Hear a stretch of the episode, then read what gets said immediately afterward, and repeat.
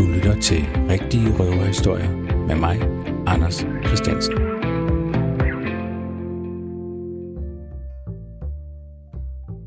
Kønsroller er noget underligt noget, især debatten om kønsroller. Nu har jeg arbejdet en del år som journalist efterhånden, og hvis man gerne vil have fat i læserne, lytterne, seerne og engagere dem i en debat, så udover sådan noget som danskhed og muslimer, så er der næsten ikke noget som kønsdebat, der virkelig får folk op af stolene. Der findes mange i Danmark, der er dybt skuffet over, at kønsdebatten i 2020 er på et meget lavt niveau, hvor man stadig diskuterer om, hvad kvinder må og ikke må. Nogle husker måske Sorine Godfredsen, der sad i Deadline på DR2 og gjorde sig til fortaler for, at kvinder ikke burde spille fodbold, og at man stadig skal gøre opmærksom på, at sexchikane ikke er i orden. Mens andre sidder og er nervøse for, at vores samfund er ved at bryde sammen, fordi der er strømninger imod at udviske kønsbegreberne.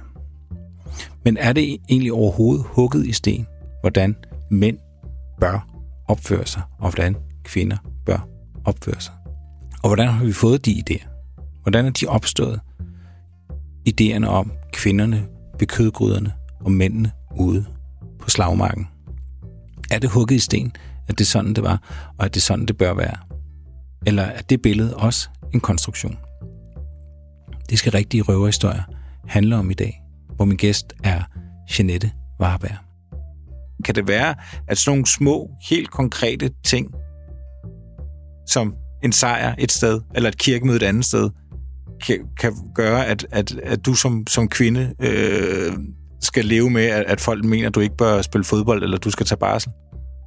Ja. Det er, det er faktisk det, jeg siger. Derfor, da, når jeg kigger på de lange linjer, som jeg ofte gør, også når jeg skriver bøger og noget andet, så er der nogle, nogle vendepunkter i historien, som er helt afgørende for, hvorfor vi tænker, som vi gør i dag. Og det er nogle af dem, jeg kan sætte fingeren på der. Og det kan jo også gøre mig en lille smule træt, at vi faktisk er så langt tilbage, og så øh, er der jo, jeg er sur på nogle mænd, som levede for næsten 1800 år siden. Jeg kan jo ikke gå tilbage og skælde dem ud, vel? Øh, men jeg kan prøve at rette lidt op på de skævheder, de lavede. Janette Warberg, hun er dansk arkeolog, forfatter, og i 2019 der vandt hun Weekendavisens litteraturpris for bogen Viking, Ran, Ild og Svær. Og hun er altså museumsinspektør på Nationalmuseet. Og her er de altså i gang med et forskningsprojekt, der hedder Tingenes Tale. Og det er et forsøg på at trænge ind i vikingernes tankegang, hvor man prøver at fjerne sin egen tids normer, hvis det altså er muligt. Og hvis der er noget, som mange danskere er stolte af, så er det vikingetiden. Og vikingetiden har især været med til at præge forestillingen om, hvad det vil sige at være rigtig dansk og rigtig mand. Man fryser ikke. Man er ikke bange. Man har hår på brystet. Man er modig. Man er stærk. Man er stor. Man har skæg. Man har en stor hammer. Man drikker mange øl. Det er en rigtig viking. Og det syn på vikinger sidder dybt i sjælen på mange danskere. Det er no bullshit. Det er handling. Det er fart over feltet. Det er ikke se sig tilbage. Det er tage, hvad man vil have. Men hvor kommer den idé egentlig fra? Og er det kun mænd, der har den blåstempling fra historien? Det er rigtig røverhistorier i dag, hvor vi skal se lidt nærmere på, hvordan vi egentlig har konstrueret vores syn på vores egen vikingefortid. På grund af corona-omstændigheder, så er Janette Warberg ikke med mig i studiet, og hun er med fra sit hjem. Derfor er lyden på hende en lille smule anderledes end en normal radio-studie-interview. Det håber jeg, I kan leve med.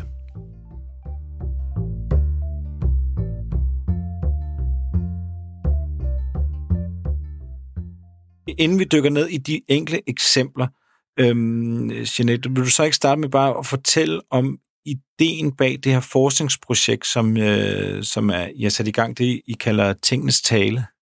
Jo. Tingenes Tale er et øh, fondsfinansieret forskningsprojekt, som skal køre de næste tre år på Nationalmuseet, som er ledet af Peter Pens og daglige øh, kan man sige, øh, medarbejdere på det. Det er Lesje Gardela, og så er det blandt andet mig, øh, Jeanette Warberg, der er med til at løfte projektet øh, til også at gøre det en del af formidlingen på Nationalmuseet i forbindelse med en stor vikingudstilling så, og en særudstilling, som skal køre 24. Så det er sådan et forskningsprojekt, som tager ned i en meget central øh, problemstilling, netop det her med køn og hvordan vi tolker køn. Og det kan man se i vikingetiden, at der har været nogle fejlslutninger, samtidig med, at vi finder flere og flere spændende fund inden for arkeologien, som er med at give, til at give et meget mere nuanceret blik på, hvordan man opfattede kønsroller i vikingetiden. For det var nemlig ikke så sort-hvidt, som vi andre i nutiden gerne vil have det til at være. Hvad mener du med, at der, der er nogle, nogle fejlslutninger? Det er der ved, øh, i forbindelse med for eksempel grave, hvor øh, du finder et svær. Og et svær er så, øh, så, så tydelig en markør for krigeren, som man sætter lighedstegn med, at det er en mand, at man lige så snart man finder et våben i en grav, så tager, går man ud fra, at den grav tilhører en mand. Mm. Men der er flere eksempler på, at, øh, at der har været grave, hvor der også har været kvindeting i. Og så er man så i tvivl om, hvordan man skal tolke det. Hvis der kun er et skelet, jamen er det så en mand eller en kvinde, der har ligget hernede? Mm. Og I bruger et eksempel i den kronik, som I har skrevet i, i Berlingske, netop om en grav, som er, er fundet i, i, i, i England, i et sted, der hedder Santon.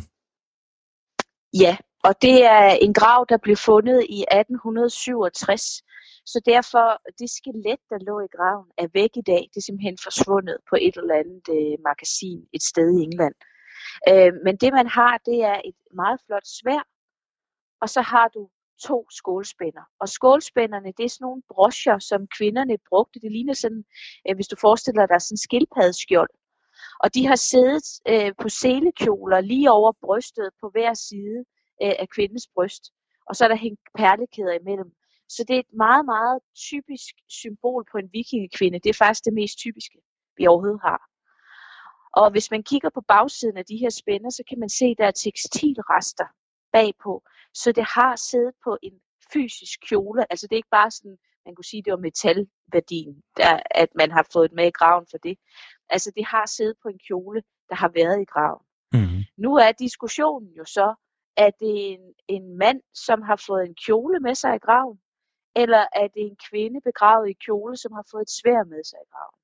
Uanset hvordan du vender og drejer det, så giver det jo et anderledes øh, billede af, hvad det vil sige at være mand og kvinde i vikingetiden. Så man har egentlig indtil helt op til 2004 gået ud fra, at det var en mand, der lå der, og så har han fået en kjole med som en offergave. Altså som, og det er en arkeologernes måde at se på. Vi ved egentlig ikke rigtigt, hvad det her er, så vi siger, at det var noget, de gav til guderne. Øh, og det er sådan en letkøbte løsning. Ja, var der ikke også et tidspunkt, hvor man, altså, øh, så vidt jeg kan se, I skriver det her med, at man også hellere vil konkludere, at det har været en dobbeltgrav? Jo, det er rigtigt, at man sagde, jamen, så må der jo have været to i den her grav. Så må der have været en kvinde og en mand, men hvis man går tilbage til udgravningsrapporten, så står der meget tydeligt, at der kun var et skelet. Og det er altså meget let at tjekke, øh, om der er et eller to kranier, blandt andet. Ikke? Ja. Så, så, så, så den øh, forklaring, den købte man altså ikke. Så begyndte man at bortforklare i stedet for.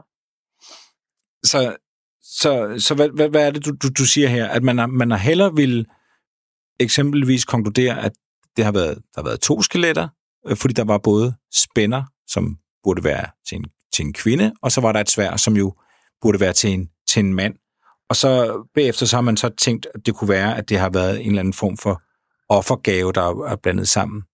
Men, ja. hvad, men hvad er det, man ikke hvad er det, man ikke konkluderer, som man måske burde konkludere?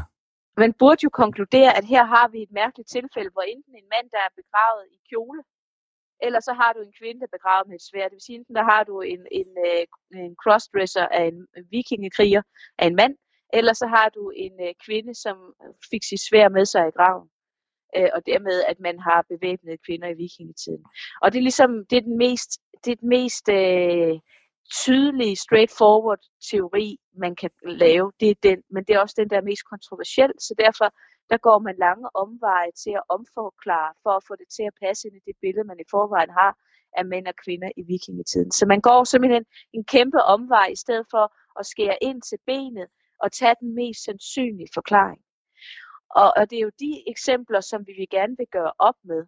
Og, og grunden til, at vi tog Sanson med, det var jo fordi, at den blev udgravet i 1867. På det tidspunkt, der havde vi Victoria-tiden i England, og Victoria-tiden er den mest, øh, kan man sige, en af de, de mest betydningsfulde perioder i 1800-tallet. Dronning Victoria, hun var dronning over en fjerdedel af, øh, af jordens befolkning, og hun var også fortaler for, at mænd de skulle være ude på arbejdsmarkedet i det offentlige rum, og kvinder skulle hellige sig familien fuldstændig og være usynlige i det offentlige rum hvilket er jo totalt paradoks, fordi hun var verdens mægtigste kvinde på det her tidspunkt.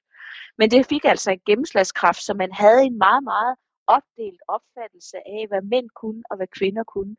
Og i øh, England, der blev kvinden først anerkendt ved domstolene som en selvstændig juridisk person, der kunne bestemme over sin krop, sine børn og sin formue i 1870. Det, var, det vil sige, det er tre år efter Sanson blev fundet. Så dem, der udgravede Sanson, de havde en idé om, at mere eller mindre så var kvinden mandens ejendom. Så det her med at finde en kvinde, der har et svær, som er udtryk for den ultimative magt i vikingetiden, det kunne de simpelthen ikke få ind i deres hoveder. Og det kunne vi jo så heller ikke i 2004, men måske i 2020.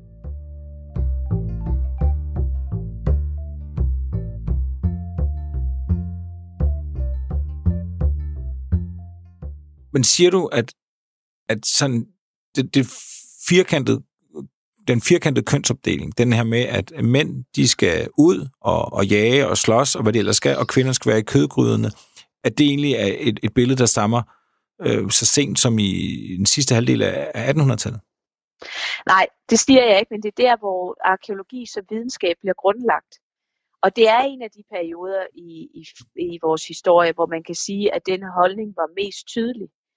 Øh, det er jo, altså, de, der, jeg går ikke ind og anfægter, at vi har haft et patriarkalt samfund i Europa og, og Mellemøsten gennem mange tusind år, men der er alligevel nogle områder, hvor der, hvor der er ændringer, hvor tingene adskiller sig, hvor der er større rum for kvinder. Man kan sige, hvis man skal spole tilbage og sige, hvornår det sådan rigtig øh, slog igennem med den her hårde opdeling, så er det blandt andet med religionerne, og herunder også kristendommen. Mm. At øh, som har et meget øh, firkantet syn på, hvad kvinder kan og hvad mænd kan. Øh, og det var ikke gældende øh, måske på samme måde, hvis man kigger i den nordiske mytologi, hvor kvinder havde en meget tydeligere rolle, også som kultudøvere. Det vil sige, de var en slags præster. Øh, og, og det stopper fuldstændig med kirken, hvor man jo helt entydigt går ind og siger, at kvinder skal ikke tale i det offentlige rum, det er kun mænd, der må det. Så der lukkes simpelthen den sidste port for fortidens kvinder til at skulle noget skulle have sagt i det offentlige rum. Så vidt det her fund, den her grav i, i England, altså hvor man så ikke konkluderer måske det mest oplagte. Hvis vi tager til, til Danmark og til Lejre, øh, så finder man jo en, øh, en figur, en Odin-figur, øh, eller hvad det er, man finder i, i 2014. Prøv at fortælle om, om den sag. Ja, det er øh, ved øh, lejre, hvor man har de her fantastiske kongehaller, hvor der lige er blevet genskabt en af kongehallerne, også i Savnlande lejre. I forbindelse med de udgravninger, der var der øh, øh, dukket den her figur op, hvor man gik og afsøgte bunkerne, jordbunkerne for udgravningen med en metaldetektor. Og der fandt man altså en lille figur i sølv, som viser en tronstol, hvor der er to ravne på, på ryggen, og på, på øh, armlænene, der er der to øh, ulve. Og det ved vi jo alle sammen, hvis vi har læst vores Valhalla-tegnserie, at det er Odins øh, kendetegn. Det er hans to øh, øh, øh, ravne, Hugin og Munin, og hans to øh, ulve, som altid følger ham. Og på tronen sidder der også en mand med overskæg. Problemet er bare, at han har en meget, meget fin kjole på. Og det er jo så noget, der, der forvirrer os rigtig meget og skaber debat. Øh, fordi er det i virkeligheden Odin selv, der sidder i kjole med overskæg, Eller er det en vølve, der sidder der, øh, og så har skæg? Det lyder også underligt. Eller er det Freja, der sidder der med skæg? Altså frugtbarhedsgudinden, som også var sejtens øh, gudinde, det vil sige den her øh, evne til at gå i trance under et ritual og se ind i gudernes verden, se ind i fremtiden og hente råd om, hvad man skal tage store beslutninger og komme tilbage og rådgive dem, der har spurgt. Det er Freja, der kan det, og som har lært det til Odin. Så der, er, der er rigtig meget på spil, men, men øh, øh, jeg er den overbevisning, at det er Odin, vi ser, der sidder der øh, som kjole. Det vil sige, at han, han vises som sejtmester. Og for at kunne tage og, og gå ind og, og, og lave det her magi, som var kvindemagi, så blev han altså nødt til at tage kjole på, for at kunne udføre de her ting. Og det har han gjort. Prøv lige at forklare mig igen, hvad det er han, for en magi, han udfører. Det er en sejt, og det er sådan en, øh, en, en gammel måde at komme ind i en anden sindstilstand på. Måske påvirker narkotikum i form af bulmeurt, eller man har også fundet hamfrø nogle steder, altså hash. Øh, det kan også være svampe eller alkohol, men i hvert fald øh, også med sang og, og musik, at man til sidst går ind i en trance, som gør, at man kommer ind på et andet bevidsthedsniveau, og dermed kan se ind i fremtiden. Og det blev praktiseret som, som en helt legitim måde at rådføre sig på i vikingetiden. Og det var hovedsageligt øh, kvindelige øh, præster, eller hvad vi skal kalde ja, dem? Som, som... det var vølver, kaldte, kaldte man. En vølve, altså ret til at bære stav.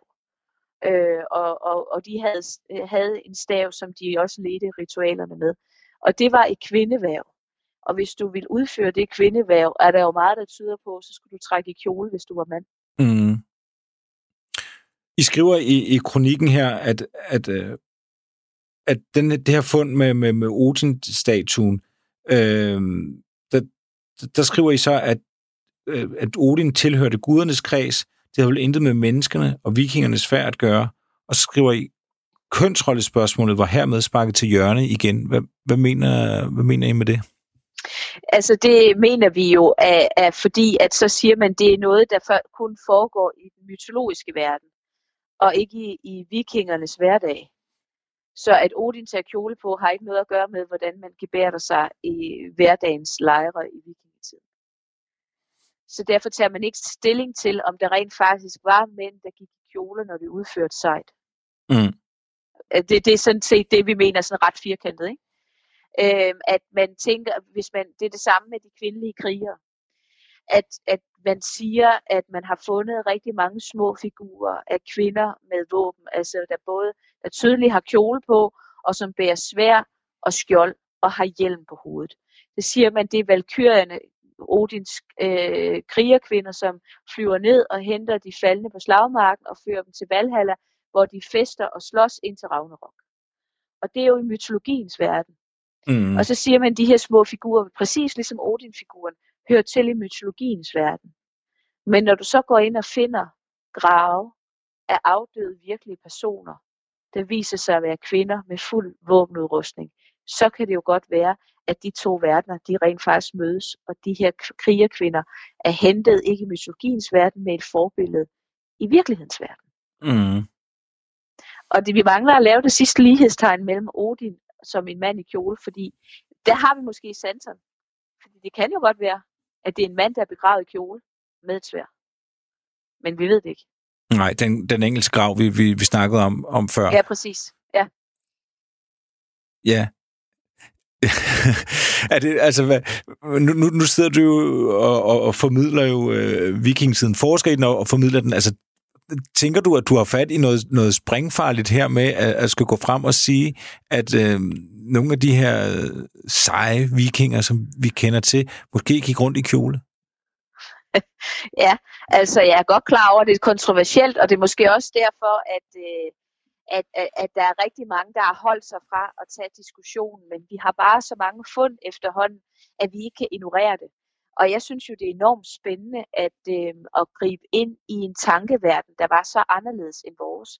Fordi det, som der ligesom er, er, er min grundholdning, og som vi også giver udtryk for i vores kronik, det er jo, at vi er kulturkristne. Vi er kulturkristen opdraget. Det vil sige, at det, vi tror, der er naturligt, det har bund i en religion. for eksempel at mænd og kvinder, øh, at, at kvinder har det bedst med at gå hjem ved børn og passe dem og passe kødgryderne. Hvis du går tilbage, helt tilbage til øh, for 100.000 år siden, så ser det ud til, at sådan var det ikke, mens vi var jægersamlere. Der var det lige så meget kvinderne, der var med til at skaffe maden, og så man i fællesskab tog sig af børn, som man for øvrigt ikke fik så mange af.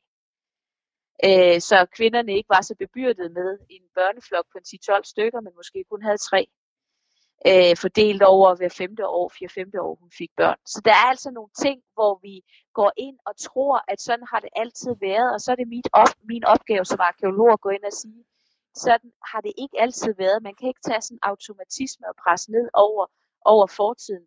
Og ved hjælp af at gå tilbage og kigge i fortiden, så kan vi også være med til at nuancere den nutid, vi, vi er del af, og sige, at vi er ikke first movers på det her. Vi er faktisk bare ved at vikle os ud af et meget strengt, entydigt syn på køn, der har kørt i nogle tusind år. Men i mit perspektiv er et par tusind år eller tre, det er jo ikke det store. Altså det er jo ikke særlig lang tid i menneskets lange historie. Mm. Mm. Så, så det er i virkeligheden det, og så kan det godt være, at det er kontroversielt, men jeg synes, det er tiden af moden til, at det er den diskussion, vi tager.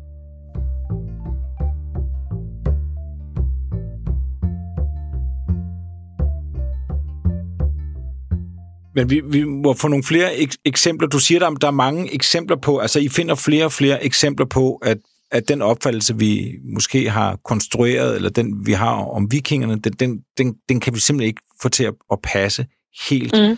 Øh, I nævner i kronikken et, et tredje eksempel, øh, der er hentet i, øh, i Sverige, i, i en vikingby, der hedder Birka. Ja, og her der ligger, har man udgravet i 18- og 1900-tallet en masse vikingegrave. Der, og, og i gravene ligger der utrolig mange spændende ting, og en af de bedst bevarede, det er, viser en vikingekriger, som er begravet med sin krigshest, med et svær, med en stor økse, med bue og pil, og købet også et øh, strategispil, altså et slags skak, der hedder Nefertafel, som skulle træne, øh, træne mænd regner man med til at tage taktisk øh, fornuftige beslutninger på slagmarken. Så det er en måde at, at, at, at træne sin taktiske viden på. Øhm, og, og, og, og vedkommende blev beskrevet som en mand, øh, indtil man her for nylig, for nogle år siden, lavede en DNA-undersøgelse af knoglerne, som viste, at de her fine knogler tilhørte en kvinde. Der var ikke nogen tvivl. Mm. Og så startede balladen forfra, for var det her egentlig en kvinde, som var lagt ned øh, i stedet for en mand, altså som symbol, fordi at manden måske var død ude, men godt nok havde han alle sine våben, men så var det en kvinde, der blev lagt ned i stedet for ham. Kunne det være, øh, kunne det være at der var et skelet nede under kvindens skelet, som aldrig var blevet fundet? Hvilket jo er mærkeligt, hvorfor hendes skelet skal være perfekt bevaret, og så skulle mandens skelet være fuldstændig opløst i jorden. Det giver ikke mening. Men man prøvede virkelig alle mulige andre bortforklaringer end den mest nærliggende, den der var lige foran snuden på folk, at vi her har en bevæbnet kvinde. Og ikke nok med det, men det ser ud til, at hun havde udstyr med, så man kunne forvente, at hun var i toppen af hæren, det vil sige, at hun var en befalingsmand, eller ligefrem leder af hæren. Hvem er det, der laver alle de krumspring? Jamen, det er jo et eller andet sted øh, øh, arkeologer og historikere, som ikke vil, vil lade sig styre af, at der i deres opfattelse er en populærkultur, hvor de kvindelige krigere bliver ført frem, som for eksempel i Vikings. Så det har jo været med til at forstærke, at man ikke har lyst til at sige, jamen det vi ser i Vikings er faktisk rigtigt.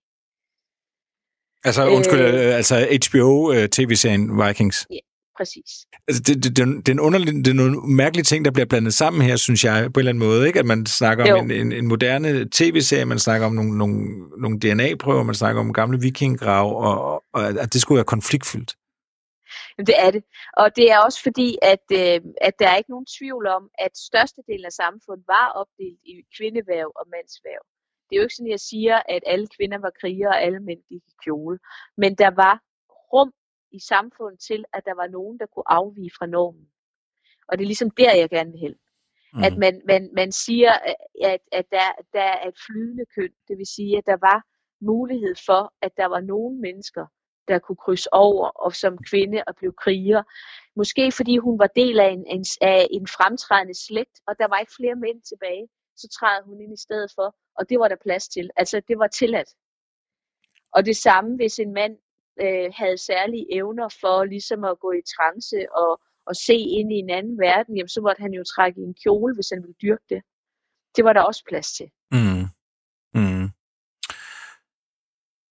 Nu, nu kan man sige, at, øh, at det, som, som, som I lidt har, har i gang i nu, er lidt et, et opgør, især med, hvad kan man sige, den, den tidlige øh, arkeologi i, øh, i 1800-tallet, det er jo før med Victoria-tiden, og at man på det tidspunkt har taget deres hverdag, deres normer og deres kønsopfattelse og proppet ned over vikingerne.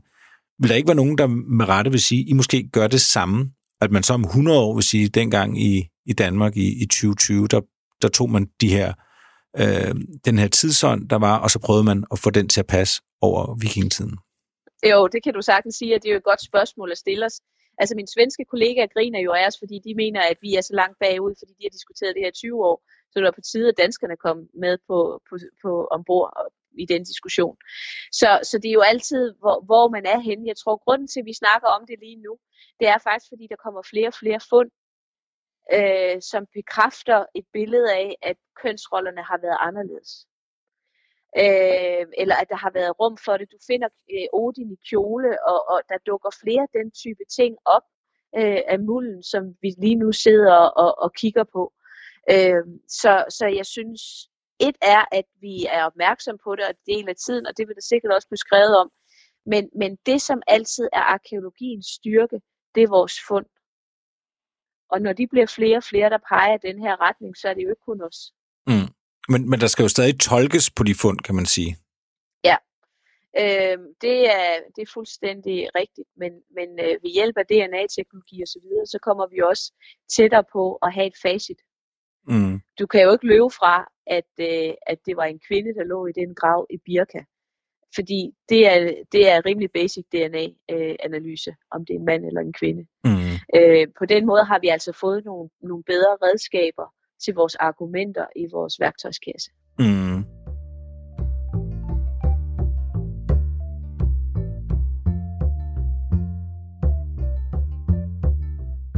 Du siger, det, det vrimler med fund. Er det, det, i, nu jeg har jo den viden, jeg har om, om jeres projekt, stammer fra den øh, kronik, som I har skrevet i, i Berlingske. Er der andre gode eksempler, øh, som I ikke har med i kronikken? Ja, det er for eksempel en øh, grav øh, fra Norge i Solør, hvor der tilsvarende som Birka ligger en kvinde, hun er ikke mere end 1,56 høj og måske vejer omkring 45 kilo, men hun er altså blevet begravet med øh, fuld krigsudrustning også, og hendes øh, svær er lagt øh, ved hendes hofte, venstre hofte, hvor, hvor spidsen peger ind mod hendes kind.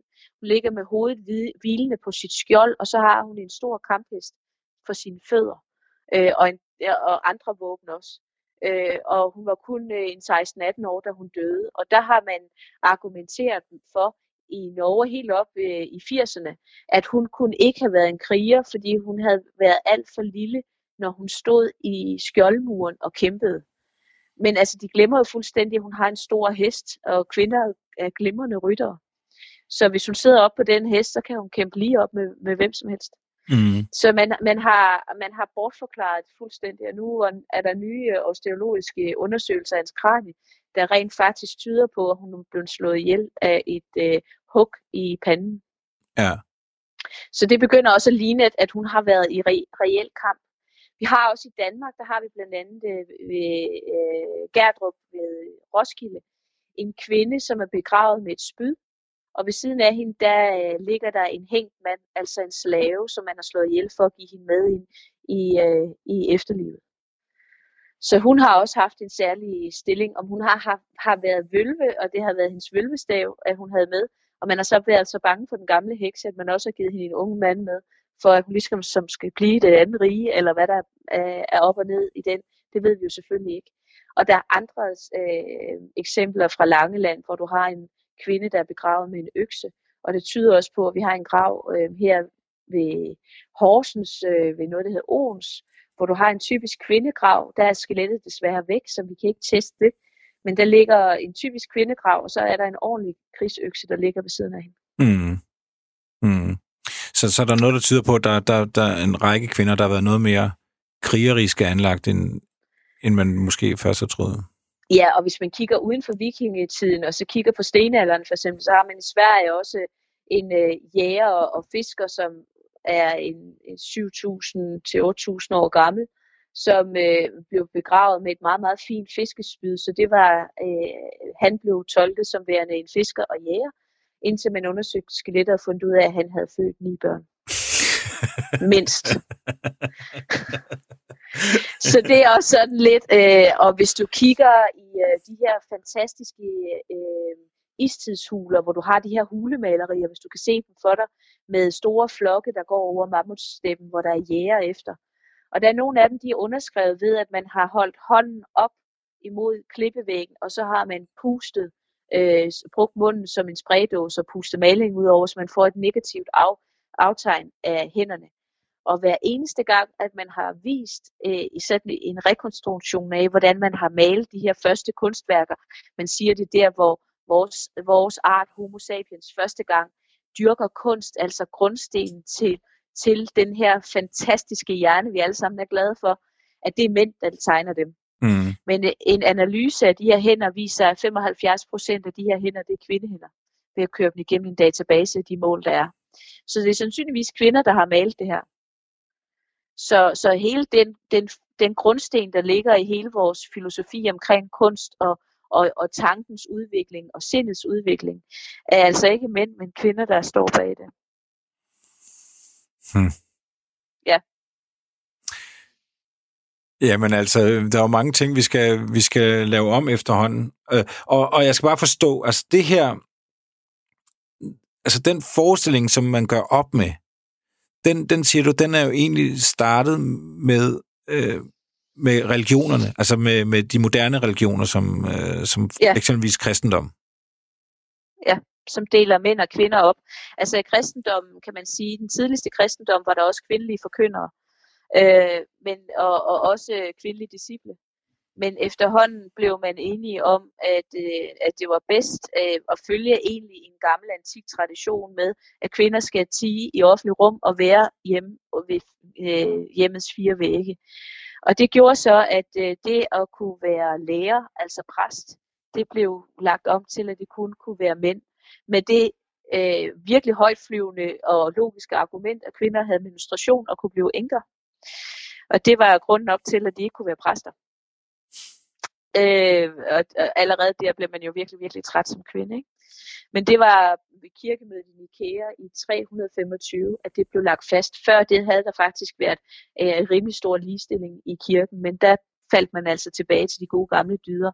Og det er jo den tankegang, som vi er præget af. Så når nogen siger, som Joachim B. Olsen fik sagt i sin velmagsdag i Folketinget, at øh, han egentlig synes, det var mm, biologisk set mest øh, øh, fair, at kvinderne de gerne ville gå hjemme, så der var ingen grund til at give mere forældreoverlov til fædrene, fordi det var jo naturligt betinget. Og det er det ikke det er kulturelt betinget, for hvis du kigger i arkeologien og tilbage, og så, så finder du andre måder at leve på, end, end øh, det, som man gør som, som kulturkristen eller som nogle af de andre store religioner. Så det er faktisk noget, som, øh, som ikke går så langt tilbage, som folk tror. Og det er den slags øh, øh, forudindtagethed, som jeg gerne vil bruge mit fag til at gøre op med. Så vi får også lidt mere plads til øh, noget, noget øh, mangfoldighed, og også at det er, at det er i historien kan, kan man spejle sig, selvom at man ikke lige går ind for den her skarpe opdeling.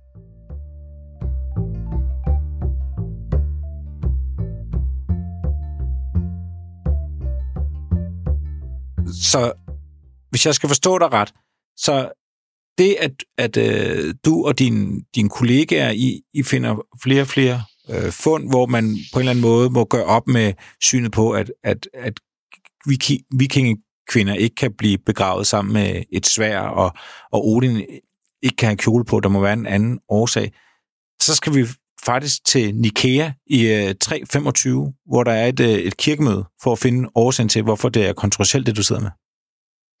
Ja, sådan kan du godt sige det. Du kan også sige, at øh, øh, hvis Konstantin ikke havde sejret, den store ikke havde sejret, sejret ved den milviske bro, så havde kristendommen måske ikke fået så stor udbredelse. Så var det mitraskulten i stedet for, at vi havde rodet rundt med. Det er noget med nogle okser. Det havde været noget helt andet, vi så havde skulle, skulle gøre op med.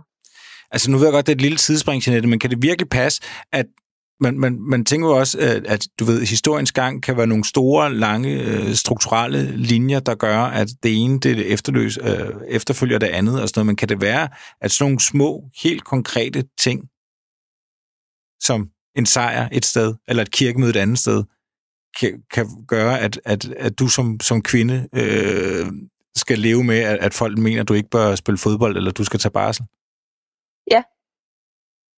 Det er, det er faktisk det, jeg siger. Derfor, da, når jeg kigger på de lange linjer, som jeg ofte gør, også når jeg skriver bøger og noget andet, så er der nogle, nogle vendepunkter i historien, som er helt afgørende for, hvorfor vi tænker, som vi gør i dag. Og det er nogle af dem, jeg kan sætte fingeren på der. Og det kan jo også gøre mig en lille smule træt, at vi faktisk er så langt tilbage, og så øh, er der jo, jeg er sur på nogle mænd, som levede for næsten 1.800 år siden. Jeg kan jo ikke gå tilbage og skælde dem ud, vel? Øh, men jeg kan prøve at rette lidt op på de skævheder, de lavede. jamen, ja, men altså, jamen, jamen, held og lykke med det, skulle jeg til at sige. Men, jo, tak. Men hvad hedder det, øh, Jeanette, udover, udover de her fund, er der så noget i nogle, nogle tidligere kilder, øh, nu, nu Jamen, jeg tænker på, på Saxo, for I skriver, I skulle have lyttet til Saxo, altså krønikeskriveren ja. uh, Saxo. Er der, er der nogle, nogle udover arkeologiske fund, er der sådan nogle, nogle, nogle tekstkilder eller noget, der, der, der kan sådan tale i, i din sag? Ja, altså Saxo han skriver jo helt øh, åbenlyst om kvindelige krigere og skjoldmøger, som om at, at de var en del af, af, af fortiden, han kendte til. Øh, de er bare blevet parkeret i øh, den kildekritiske gennemgang af hans tekster ved siden af troldtøj og drager, som noget, der var fantasi. Men hvis du kigger på andre kilder, for eksempel den, øh, øh, de irske krøniker, så, så er der en optegnelse over de her vikingeflåder, der næsten årligt øh, angreb forskellige steder på de irske kyster. Og der står der, at den røde jomfrus flåde var den værste af dem alle sammen, og den, den ramte på et eller andet tidspunkt i 870'erne. Men der står ikke mere end det. Så vi ved altså, der har været en rød jomfru, om det så er en rødhåret vikingekriger, som var kvinde, der førte sin egen flåde. Øh, det kan vi jo kun gætte på, men altså, øh, hun står der. Og hun står der uden forklaring, som om, at det var normalt. Og det samme gælder faktisk fra en græskilde, der fortæller om om et stort slag nord for øh, Sortehavet, nutidens Bulgarien, hvor vikingerne var legesoldater. Og der, øh, der er det de græske eller byzantinske hære, der vinder det her slag, så når han går, øh, ham her embedsmanden, han går igennem slagmarken for at opgøre de faldende, så registrerer han, at der ligger blandt vikingerne mange kvinder. Men han lader ikke til at være overrasket over det. Han konstaterer det bare. Han skriver ikke, det var dog mærkeligt, der ligger kvinder, eller det var da uhyrligt kvinder på slagmarken. Det, han skriver det som om alle vidste, at blandt vikingerne, så var der selvfølgelig kvinder. Mm. Og, men de er ganske små, de her tekststumper. Det er, det er en bisætning, eller det er en kommentar, hvor vi finder lige det her med kvinderne, og så er det væk igen. Så det er så svært at få fat på. Men altså, hvis du kigger på til England, så har du Alfred den Store, som i 800-tallet kæmper imod vikingehærene. Vikingerne er ved at overtage hele England. Alfred er den sidste konge i England, som gør modstand, og det lykkes faktisk for ham at lave en fredsaftale. Men hans efterkommere kæmper også mod vikingerne, og hans datter, Ethelfled, øh, hun bliver øh, dronning af Mercia, og hun leder egen kvinde i otte år som enke hele hæren imod vikingerne. Og da hun dør, så tager hendes datter Elfwin over. Så i, i den engelske historie har du faktisk en kvindelig herfører i 800-tallet også. Mm. Øh, så de er derude. Vi skal bare lige åbne øjnene for dem.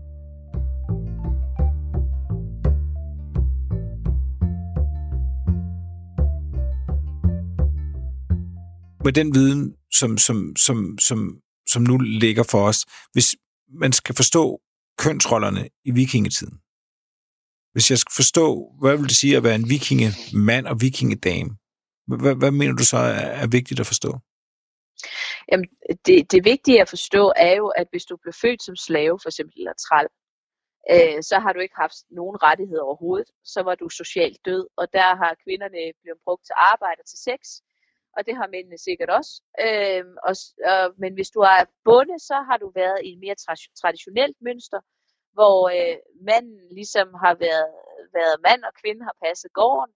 Det, der er til forskel, kan man sige, det er, at kvinderne har forholdsvis stor magt i form af, at de kunne lade sig skille, de har haft deres egen formue, og de har styret gårdene, når mændene har været væk.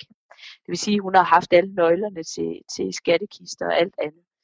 Øh, så der har været øh, trods alt lidt mere øh, ligeværd, og når du så kommer op i de højere sociale lag, hvor kommer til de rige høvdingefamilier op i kongeslægten, så har der faktisk, ser der ud til, været noget rum for, at øh, kvinder også i særlige tilfælde kunne, øh, kunne lede en her eller vælge at blive øh, krigere. Omvendt ser det også ud til, at der har været, altså vi taler måske 5% af befolkningen, der har valgt nogle roller, som var anderledes end dem, der lå lige for. Det vil sige, men der var vølver og måske skulle trække i dametøj en gang imellem for at se ind i en anden verden, og kvinder, der skulle trække i bukser for at, at kunne komme ud og slås med svær.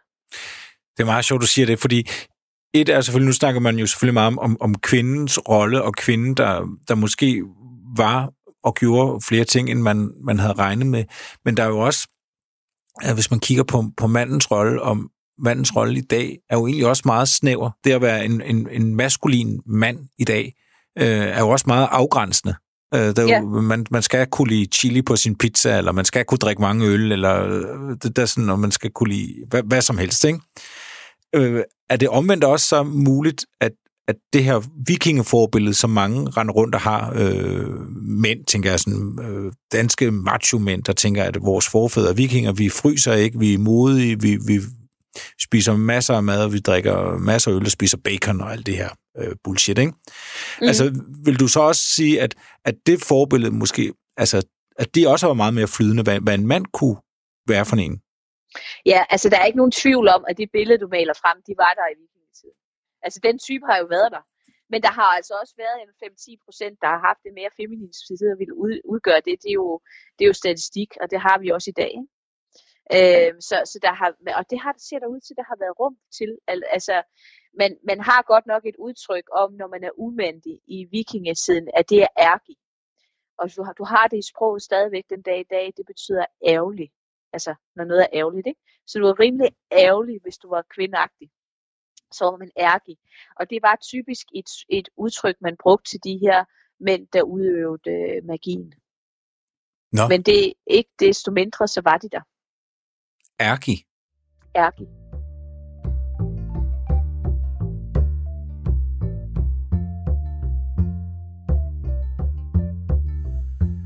Ved man noget om, øh, hvad kønnene synes om hinanden. Altså, om der er, du ved, der er jo alle mulige, i dag er jo for, at kvinder kan ikke, øh, nu ved jeg, køre bil, eller hvad det er, man går og siger af, af forskellige ting, eller de er hysteriske, eller bla bla bla. Ved man ja. noget om sådan? Altså, hvis man kigger på det, der hedder Riks vandring, det fortæller om øh, Odin, der i forklædning egentlig går rundt og besøger de forskellige klasser. Den er jo selvfølgelig skrevet ned i 1200-tallet på Island, så vidt jeg ved.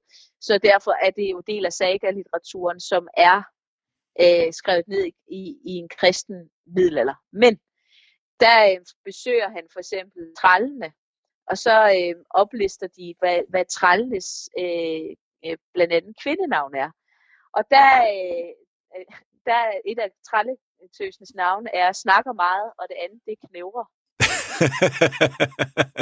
og der kan jeg da godt genkende en fordom eller to, som der er blevet lagt ud omkring kvinder, ikke?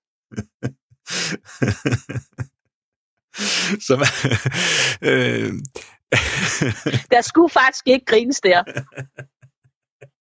Nej, det skulle der ikke. Det, det, det, det beklager jeg. Ja. Øhm, men altså, man kan jo sige meget om, om vikingetiden, som du sikkert holder, holder meget af, men det er jo heller ikke, det er jo heller ikke et, et, et ideelt paradis.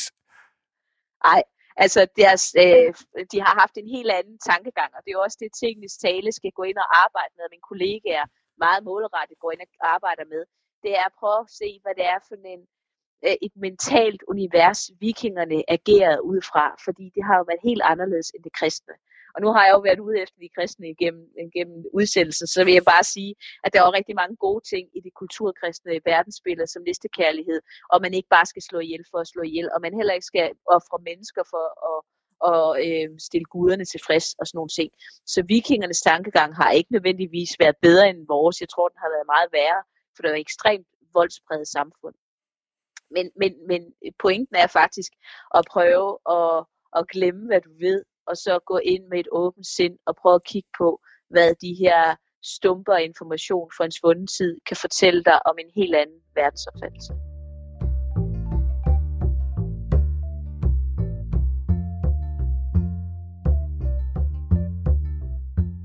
Det var alt for rigtig røverhistorie i dag. Min gæst det var Janette Warberg. Hun er arkeolog, og så er hun museumsinspektør på Nationalmuseet. Derudover er hun forfatter til en række bøger, senest i 2019, hvor hun udgav Viking, Ran, Ild og Svær. Vi fik i udsendelsen nævnt kirkemødet i Nikea i 325. Og det møde, det vil være et afsnit for sig selv her i Rigtige Røverhistorier. Man kan tilskrive det her kirkelige møde mange ting. Det er kejser Konstantin, der øh, indkalder til møde. Han er selv blevet kristen, og så er han kejser i Romeriet. Og der er en masse forvirring om, hvad kristendom egentlig er for noget, og der er alle mulige forskellige skoler og teologier og meninger, og det skal sættes bedre i system. Og det bliver det altså her ved det her store kirkelige møde i Nikea. Det er blandt andet her, man beslutter, hvornår man fejrer påske. Man beslutter sig også for, at man skal have et mere, hvad kan man sige, aggressivt forhold til kætteri. Det var mildt sagt. Og så havde man den helt store udfordring ved det her møde, det var jo at beslutte, hvad Jesus egentlig er for en størrelse. Er Jesus en guddom? Eller er Jesus et menneske? Og der var altså to fløje. Der var en fløj, der mente, at han var et menneske, skabt af en Gud. Og så er den anden fløj, der mener, at Jesus i sig selv var en Gud. Det fik de meget tid til at gå med til det møde, og de endte med et, øh, et flot kompromis. Nogle øh, teologiske krumspring, som fik enderne til at mødes. Det er, at Jesus har er af samme væsen som faderen, og han blev født og ikke skabt. De to ting gjorde, at, øh, at det kunne man godt enes om. Men som sagt, så er det møde, kirkemøde i Nikea, det er et, øh, det er et afsnit i sig selv, som vi, øh, vi klart vil vende tilbage til, fordi for det er jo selvfølgelig spændende, når noget så religiøst, Guds ord, øh, mødes med diplomati og kompromiser og noget pragmatisk. Og det er lige præcis det, der skete i 325. Og noget, som vi altså stadig mærker følgerne af den dag i dag.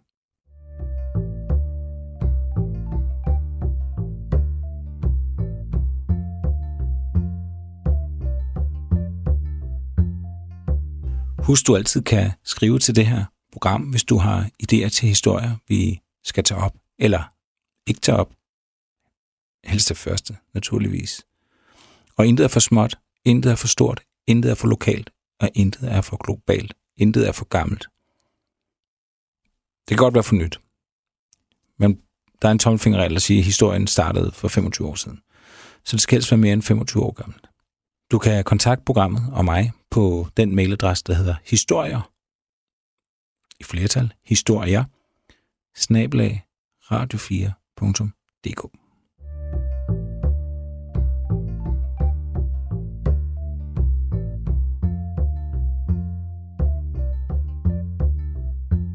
Programmet er produceret af Wingman Media for Radio 4.